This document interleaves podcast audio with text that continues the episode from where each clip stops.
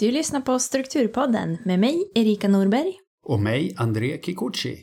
Erika jobbar som lärare och driver bloggen merstruktur.se. André jobbar som pastor och pusslar ihop livet som familjefar. Så luta er tillbaka, följ med i våra tankegångar som kretsar kring livet med struktur.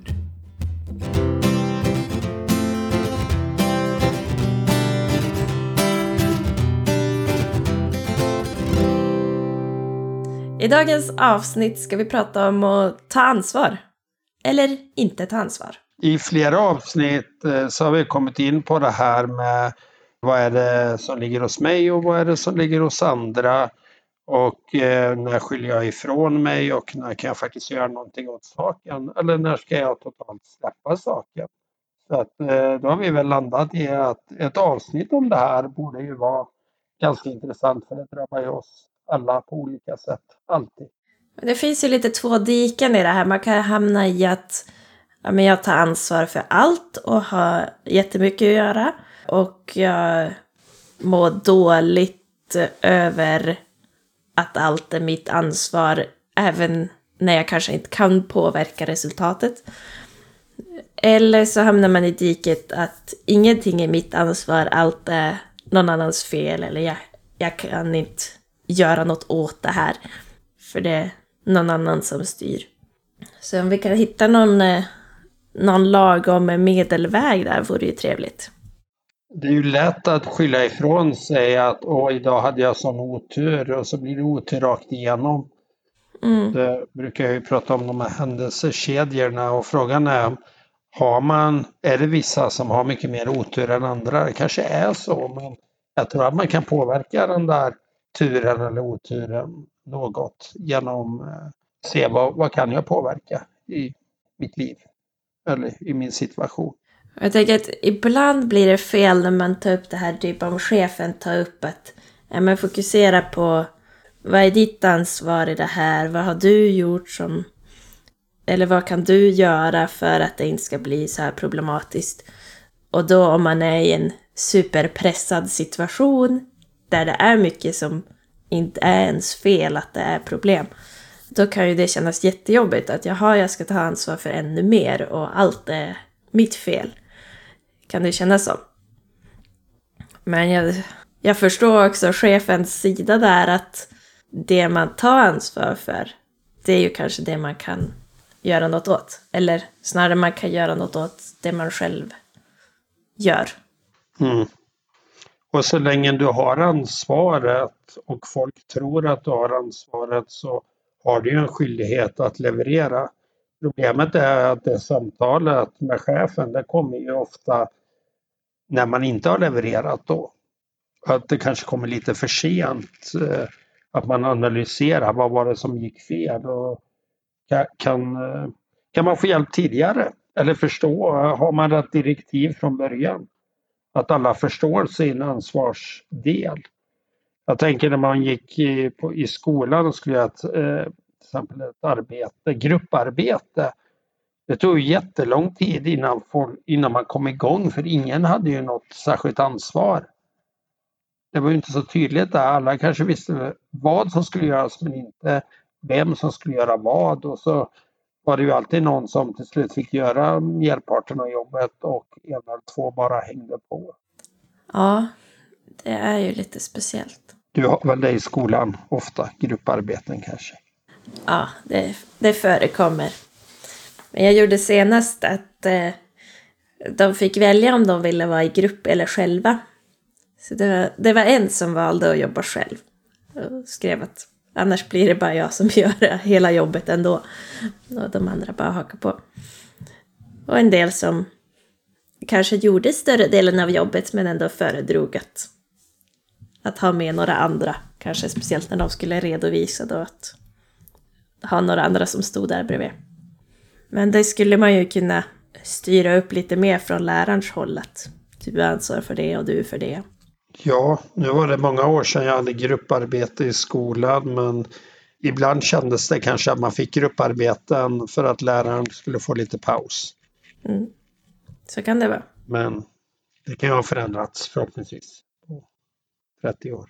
Mm. Nej, men jag tror att det ligger en del i det för att ja men i jobbet jag har nu känner jag att det är inte samma behov av det, för jag har ganska, ganska bra med planeringstid och så.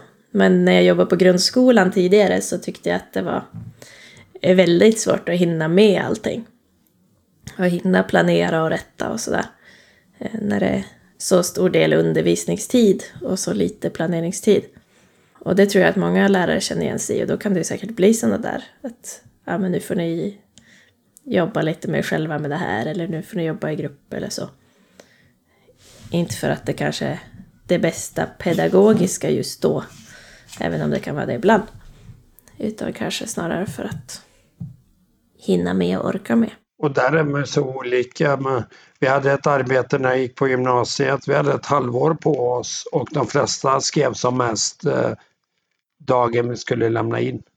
Och det var inga kontroller inom det halvåret.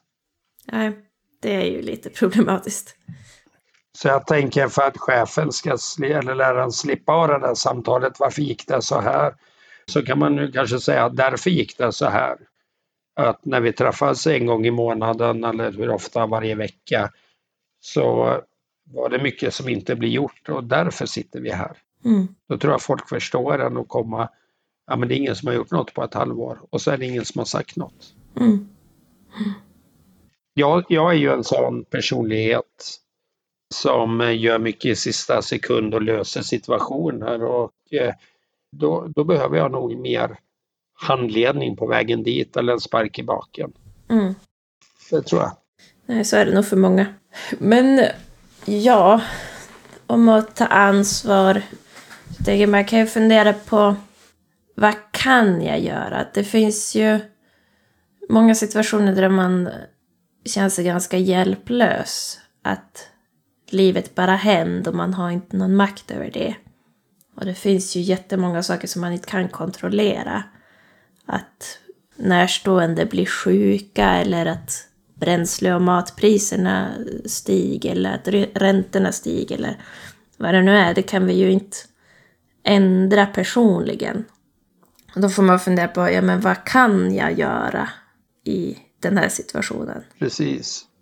Ja men om få en närstående diabetes, ja men då kanske jag får läsa på hur kan jag göra bra mat som den personen kan äta när den hälsar på. Eller om bränslepriserna går upp, aha, kan det vara extra motivation att ta cykel oftare. Eller ja, räntorna stiger, jag kan inte påverka det men ja, kan jag spara in på något annat sätt? Så man försöker fokusera på det man kan göra något åt. Och där kommer vi in på den här grundstrukturen. Vi pratar om att har man en grundstruktur inom ja, men hela livet, olika delar, större eller mindre, så eh, drabbas man inte lika hårt av de här cyklerna, alltså stora samhällsförändringar. Mm. Så det finns lite att tänka på innan det sker. Även om man inte kan påverka, som du säger, bränslepriserna eller elpriserna är ju väldigt inne nu. Sådär. Men går det att ha en strategi? Det är väl ingen som är förvånad att läget är som den är just nu, för nu har vi hållit på med det här med ett år. I början var det ett krig i Ukraina som påverkade, men eh, kan man tänka, okej, okay, om det händer någonting nästa år, vad kan jag göra redan nu? Mm. Och då kanske jag inte påverkas lika hårt när det händer stora saker som jag inte kan göra någonting åt. Och då får man ju se över varje grej om det är med ja men, sjukdom, med kost och sådär. Men då ser jag över kosten. Är det bränslepriserna? Jag kanske inte kan påverka bränslepriserna men jag kan påverka vilket fordon jag har eller hur jag använder mitt fordon. Mm. Och eh, är det och räntor och sånt där. Är det bundet eller obundet och eh, hur bor jag och kan jag få någon, går det att få in en kanske sidoinkomst, hyra ut någonting, det har vi pratat om i ekonomiavsnitt och sådär. Går det att tänka redan nu, vad händer? Om det här händer om ett år, vad kan jag göra då? Eller vad kan jag göra nu för att vara förberedd?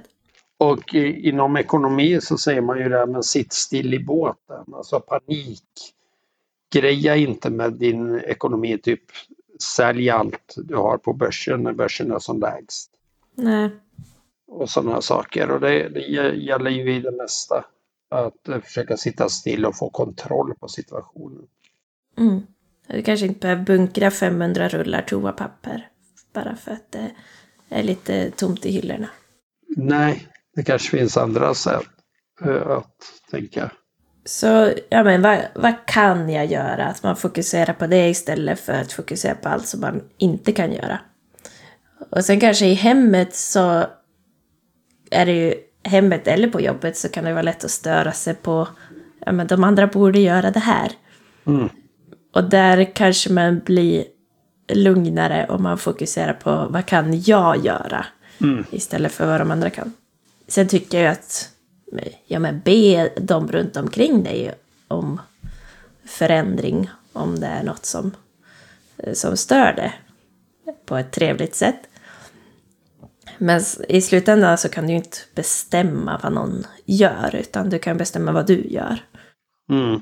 Och vad du lägger energi på. Du kanske får släppa vissa saker som eh, kollegor eller familj, ett beteende som de har som du stör dig på. Att du kan inte göra något åt. Det tar jättesvår lång tid att förändra ett beteende men om du släpper taget om det, det kanske egentligen inte påverkar dig så mycket som du tror. Och det kanske är lättare att få andra att göra det om du börjar att göra det. Ja, men om du alltid ställer upp skorna på skohyllan och disken i diskmaskinen eller rensa ut gamla kläder ur garderoben, då kanske andra blir inspirerade och göra likadant. Mm.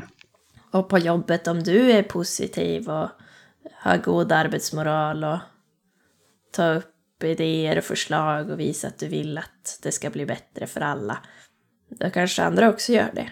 Nu är det ju mycket om så hur man sparar el och grejer och drar ner på det och då är det ju en sån där, ja men släck lampan när du går. Det är ju en ganska klassisk grej men det spelar ganska stor roll eh, slutändan om alla gör så. Mm. Om det är det LED-lampor och så kanske det inte spelar så stor roll. Men just vad gör jag? Och gör jag det alltid så kanske det sprider sig. Ja men han släcker på sitt kontor när han går därifrån. Då ska jag också börja göra det. Istället för att du ska springa runt och släcka allas lampor. Det kanske inte är så populärt. Eller bara släppa det. Ja, den lampan lyser, det är väl inte hela världen. Men den skulle inte lysa om jag fick bestämma. Men, men allting handlar ju väldigt mycket om kommunikation. Mm. Alltså hur pratar du med kollegor, chefer, familj på det du störs över? Vågar du ta upp det med dem? Så att det inte briserar. Till exempel, så gör du alltid eller något. Och så vet personen inte ens om det. Den har inte reflekterat över det. Nej. Ett råd som ofta ges är att man ska uttrycka sig jag-meningar istället för du-meningar. Så Mm. jag mår bättre när, när alla släcker efter sig. Eller när skorna står på hyllan. Istället för du ställer inte upp skorna på hyllan. Då blir det direkt att gå i försvar. Om man får... Jaget, vad kan jag göra? Ja, och sen kan man ju fundera på men vad, vad är det man ska ta ansvar för då? Mm.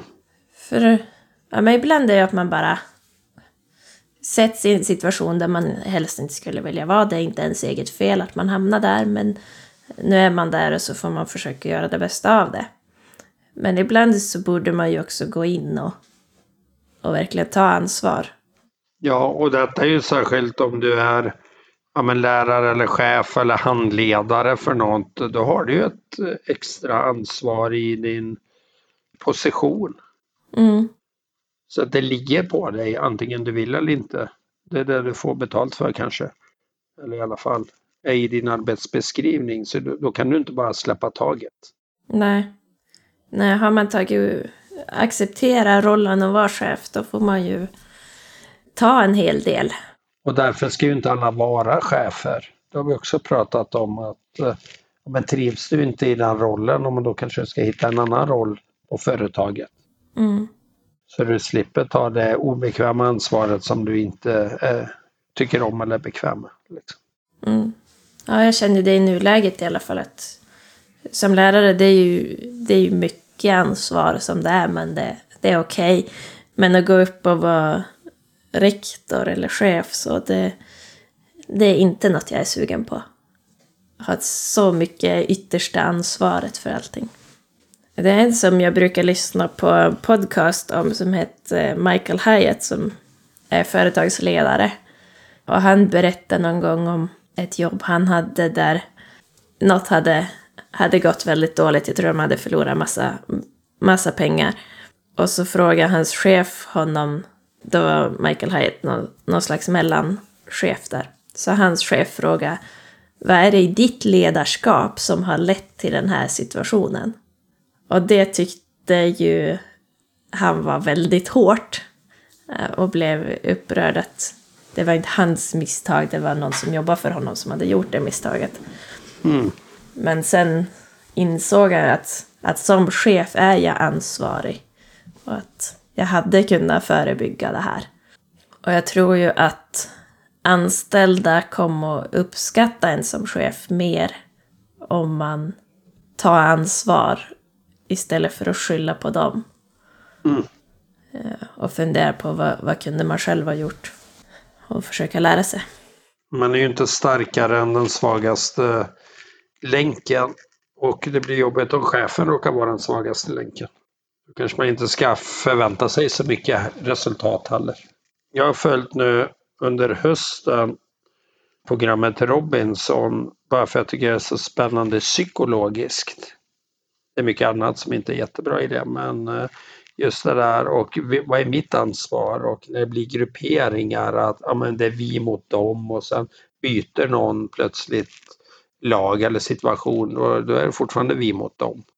Mm.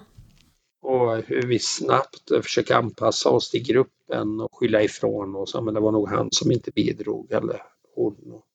Och vilka vinner? Jo men det är ju de som är är lite eh, tillbakadragna och bara går in och gör sitt jobb. De lägger inte så mycket energi på att tjata skit om andra utan de, de gör bara jobbet. De kommer ju oerhört långt. Och en del presterar när man verkligen behöver prestera. Ja, fundera på ditt ansvar som ledare och chef. Vad, vad kan du göra?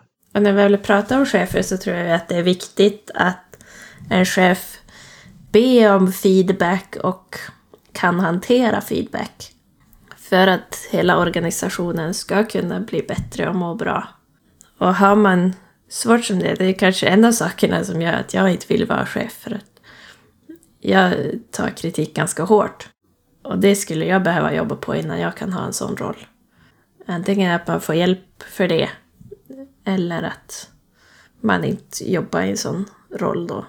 Sen är det ju också hur, hur den där kritiken sägs kan man säga vad som helst till en chef bara för att den råkar vara chef? Eller rektor eller lärare eller något. Det kanske inte heller är okej. Okay. Och då är vi lite inne i det, här, men vad kan jag göra? Hur förmedlar jag den kritiken? Är den saklig eller bara gissningslek eller ett allmänt tyckande? Ja, så man kan ju fundera, men oavsett om man är chef eller inte, vad har jag gjort som som har lett till den här situationen, om det är något som är dåligt. Kunde jag ha gjort något annorlunda? Hade jag ett väldigt otrevligt tonfall när jag tog upp det här? Eller var jag otydlig så att det blev något missförstånd? Eller kunde jag ha kollat upp en extra gång för att vara säker på att informationen gick fram? Eller korrekturläst innan jag skickade iväg det här? Jo, men till, att man analyserar, men vad kunde jag ha gjort annorlunda? Och så kanske man kommer fram till de här tre punkterna men då har jag ansvar för det till nästa gång eller till det här projektet. Ja, men det här var mitt ansvar. Det kunde jag gjort bättre eller jag gjorde så gott jag kunde men det räckte inte. Eller vad det nu är. Och sen kan man ju alla i gruppen se vad är mina, vad är mina punkter. Då kanske man får en ganska tydlig bild att här fallerar det och då kanske det är att förutsättningarna inte var de rätta ens från början. Och så tror jag att det är bra att att ta ansvar i den bemärkelse att man ber om ursäkt för det som man gjorde fel. Tror jag ju att folk uppskattar. Och då är det ju bra att inte hålla på att föra debatter och diskussioner per mail. Mm. En del kanske tycker det är tryggt för då, då har det skrivet vad han har sagt eller gjort och sådär. Men eh, det kan vara bättre att ta det öga mot öga och reda ut en hel del missförstånd. Det är ofta det som är källan till konflikter. Det är ju rätt så sällan det är konflikter att man inte har nått upp till en viss nivå. Utan snarare är det ju konflikter att man irriterar sig och man missförstår varandra och sen är det därför man kanske blir osäker och därför kommer man inte upp i rätt nivå helt enkelt.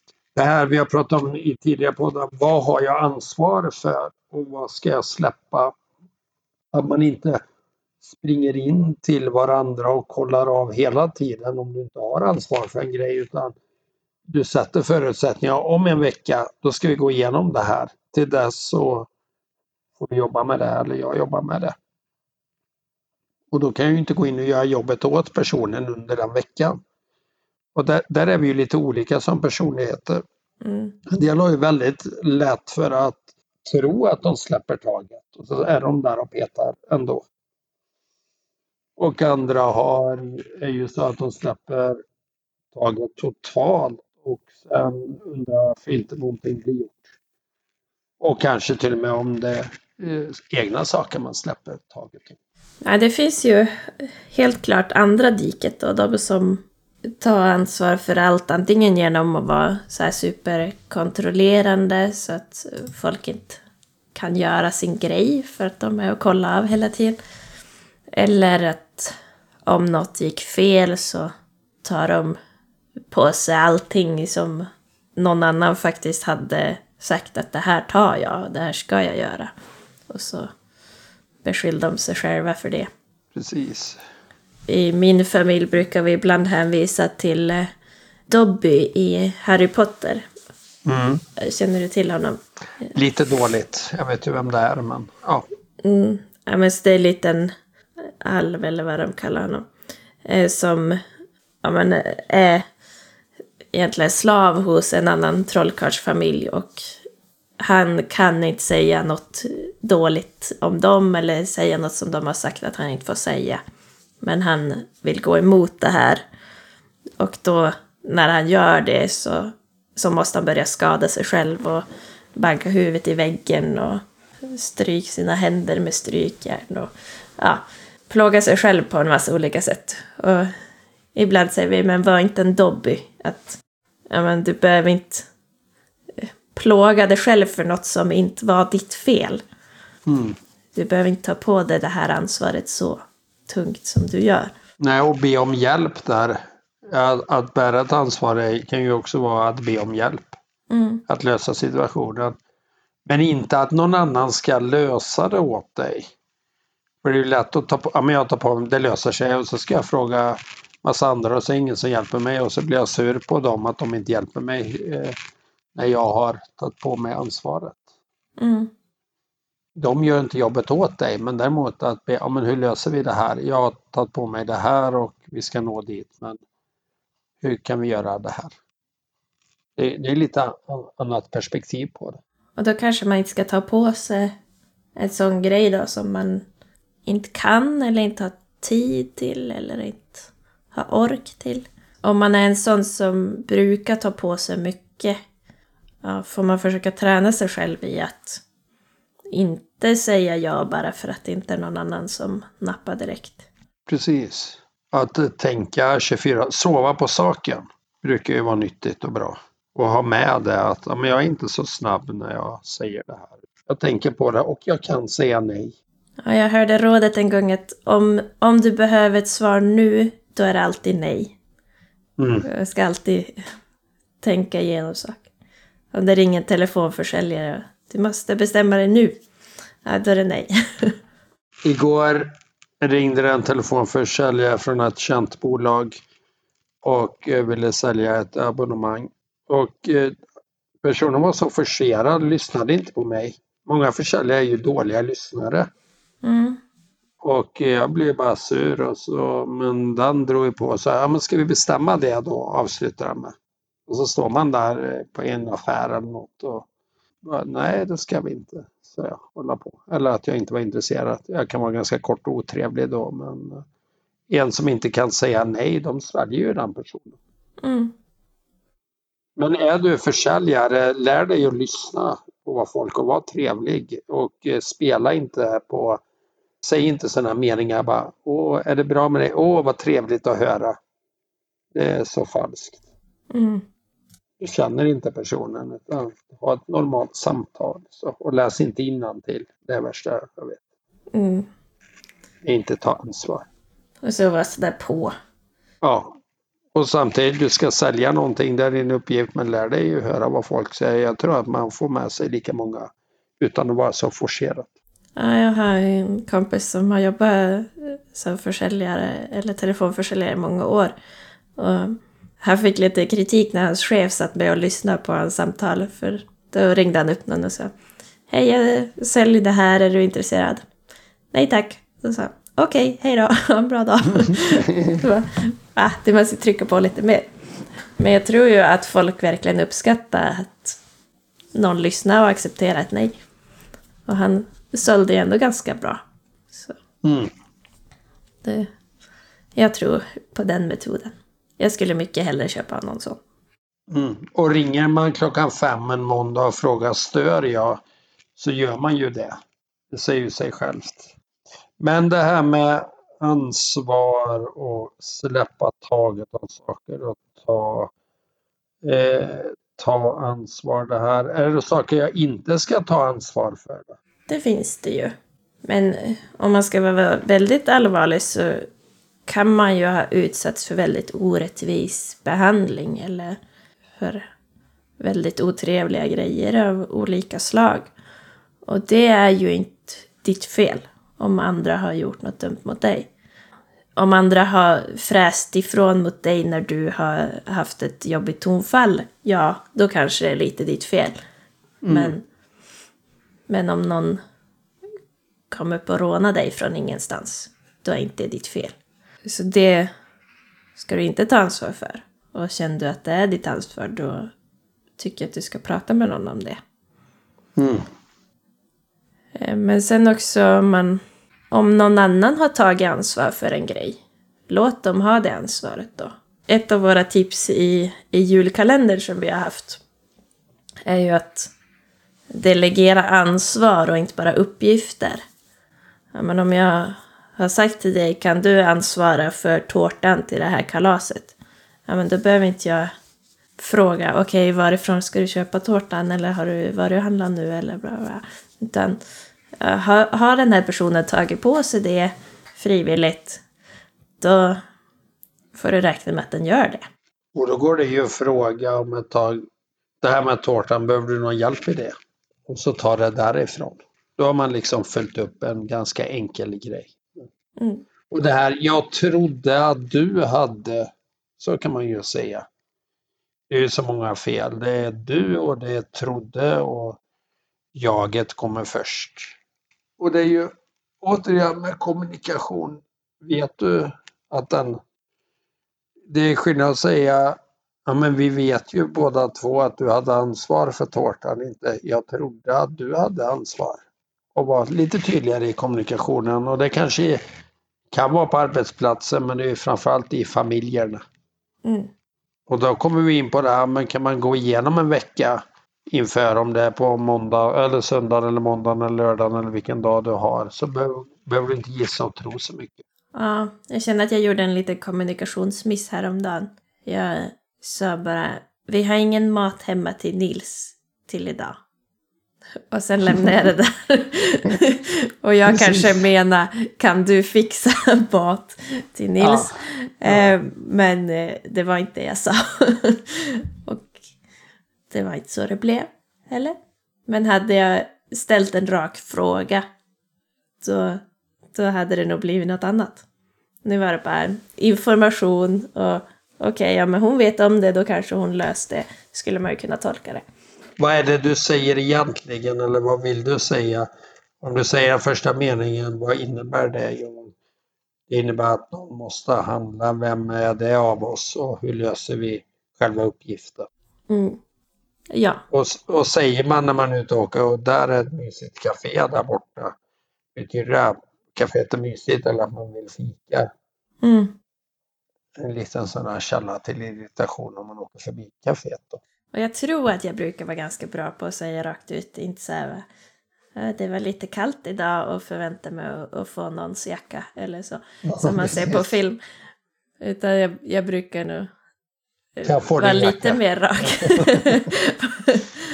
nu är det väl sällan jag är i en sån situation att bara en av oss har en jacka med sig. Men Ja, men ge mig jackan! Ja. För då är man lite inne, okej då fryser du, ja, men varför fryser du? Ja men du tog inte på dig några kläder, då ska jag dela ut min jacka. Det kanske jag gör för att jag i en film är det för att man är kär i någon. Men man kan ju visa välvilja. Ja, Men ja, det är lite spännande. mm. Ja, och där var det ju mitt ansvar i så fall att Ja, ta med mig en jacka eller frysa. precis. Sen behöver ju person kanske inte frysa ihjäl för det. Men- Nej. Nej, det finns ju en gräns. Men du har ju en lite rolig grej med dina elever. Mhm.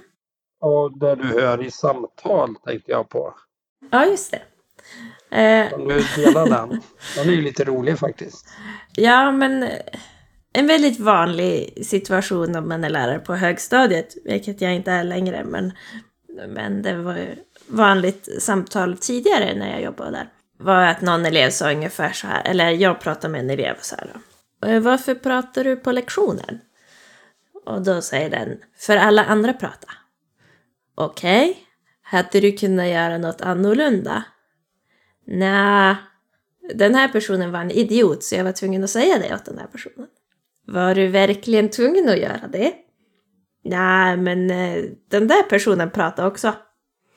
Ja, jag ska prata med den där personen snart. Men just nu pratar jag med dig så jag undrar om, om det finns något som du hade kunnat göra annorlunda. Ja, jag hade väl kunnat lyssna på dig. Tack, det vore trevligt. Kan du göra det nästa gång? Ja, jag ska försöka. Ja, men så det, eller liknande att ja, men den gjorde det så jag var tvungen att göra det. Eller all, alla gjorde så så jag var också tvungen att göra så. Och att det är ju väldigt vanligt eh, med, med barn och unga att de gör det för att alla andra gör det. Och vi, ja, men när vi pratade med Katarina Graffman så sa hon ju att det här grupp, eh, grupp, eh, ja, det som gruppen gör, det påverkar en jättemycket. Mm. Eh, Så att det är ju en stark kraft att man vill vara en del av gruppen. Men samtidigt så måste ju någon börja om det ska bli någon förändring. Precis. Eller låta bli att börja.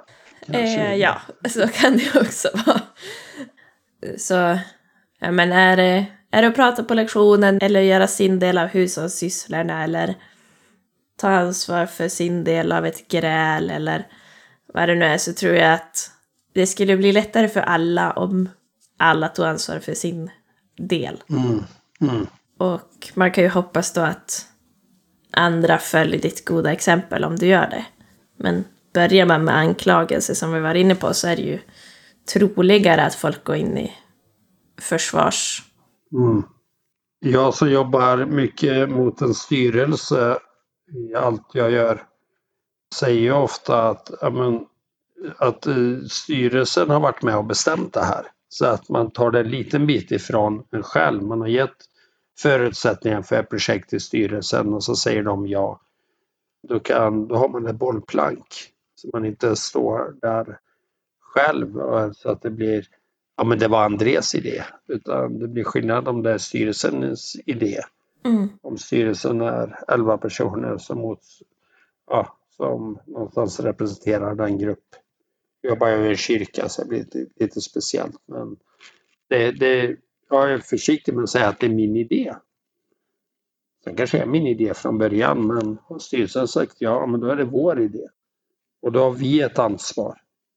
Det tror jag är klokt att eh, om det är stora beslut särskilt, att man försöker vara flera om det.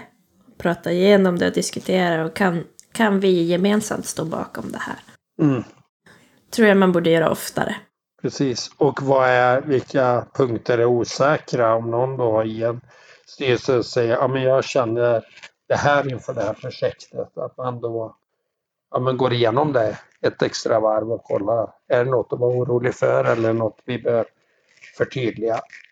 Eller behöver vi bara släppa det och gå vidare? Mm. Så man inte bara blir en bromskloss, att allt är farligt eller vad det är.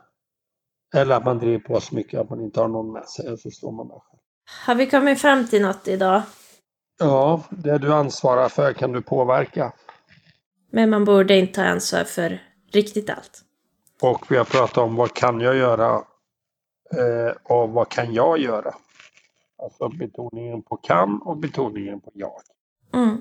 Ja, men du kan börja och vara den som gör rätt. Och är du chef eller ansvarig så ta det ansvaret och försök att inte skylla på dem under dig utan ta ansvar för din del. Och sen det här med delmål att när du sitter och analyserar projekt, vad gick fel?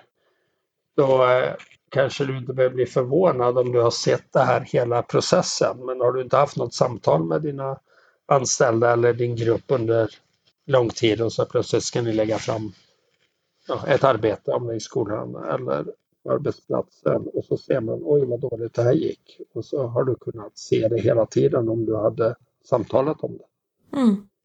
Så delmål, jätteviktigt. Och försök att inte vara inne och peta om det är någon som har sagt att de ska göra en grej. Och lägger till en grej som vi inte har pratat om men som blir viktigt. Det här används. Det kanske är så att man får avbryta i tid också. Mm. Ett projekt eller någonting som du har drömt om och så märker du det här i de här delsamtalen. Ja, men vi kommer inte nå dit. Ja, men sluta då eller ge upp just då. Det kanske är mer läge om ett år igen. Kill your darlings säger man inom retoriken. Ta bort de där sakerna som återkommer. Som du alltid vill ha med. Våga säga stryk en sån där. Och så kanske den kommer vid ett annat tillfälle. Vad kan vi ha för veckans prova på här då? Släpp allt ansvar. Oj då. Ta, ta ansvar. Nej, men analysera ditt ledarskap skulle jag säga. Om du är chef eller ledare, så hur jobbar du med det här med ansvar och ansvarsfördelning och uppföljning? Och det, är du inte ledare eller har liknande position så går det att göra om du har familj. Går det att prata om det? Mm. Hur fördelar vi till exempel arbete och ansvar i ett hem? Mm. Och en tredje prova på skulle kunna vara att eh, släppa taget om någonting som inte ligger på dig. Du kan ju fundera på vad är ditt dike som du lättast faller ner i? Mm. Behöver du släppa tag om mer grejer? Eller behöver du ta ansvar och sluta skylla ifrån det på någon annan? Mm. Jag såg en så här um, serieruta eller om det var en bild bara eller någonting. Men det var om du får en parkeringsbot. Så kan du antingen tänka vad dum den här lapplisan var som satte en bot på min bil. Eller vad dum jag var som parkerade där jag inte fick. Mm. Och det kanske är lättare att undvika problem i framtiden om du tar ansvar för din del i det. Precis. Och sen, jag läste någon gång ett citat av Martin Luther King som eh, sa du är inte bara ansvarig för vad du säger utan även för det du inte säger. Mm. Det ligger mycket i det. Alltså den här kommunikationen och tysta kommunikationen och där vi var inne på att, att man tror, jag trodde att du skulle.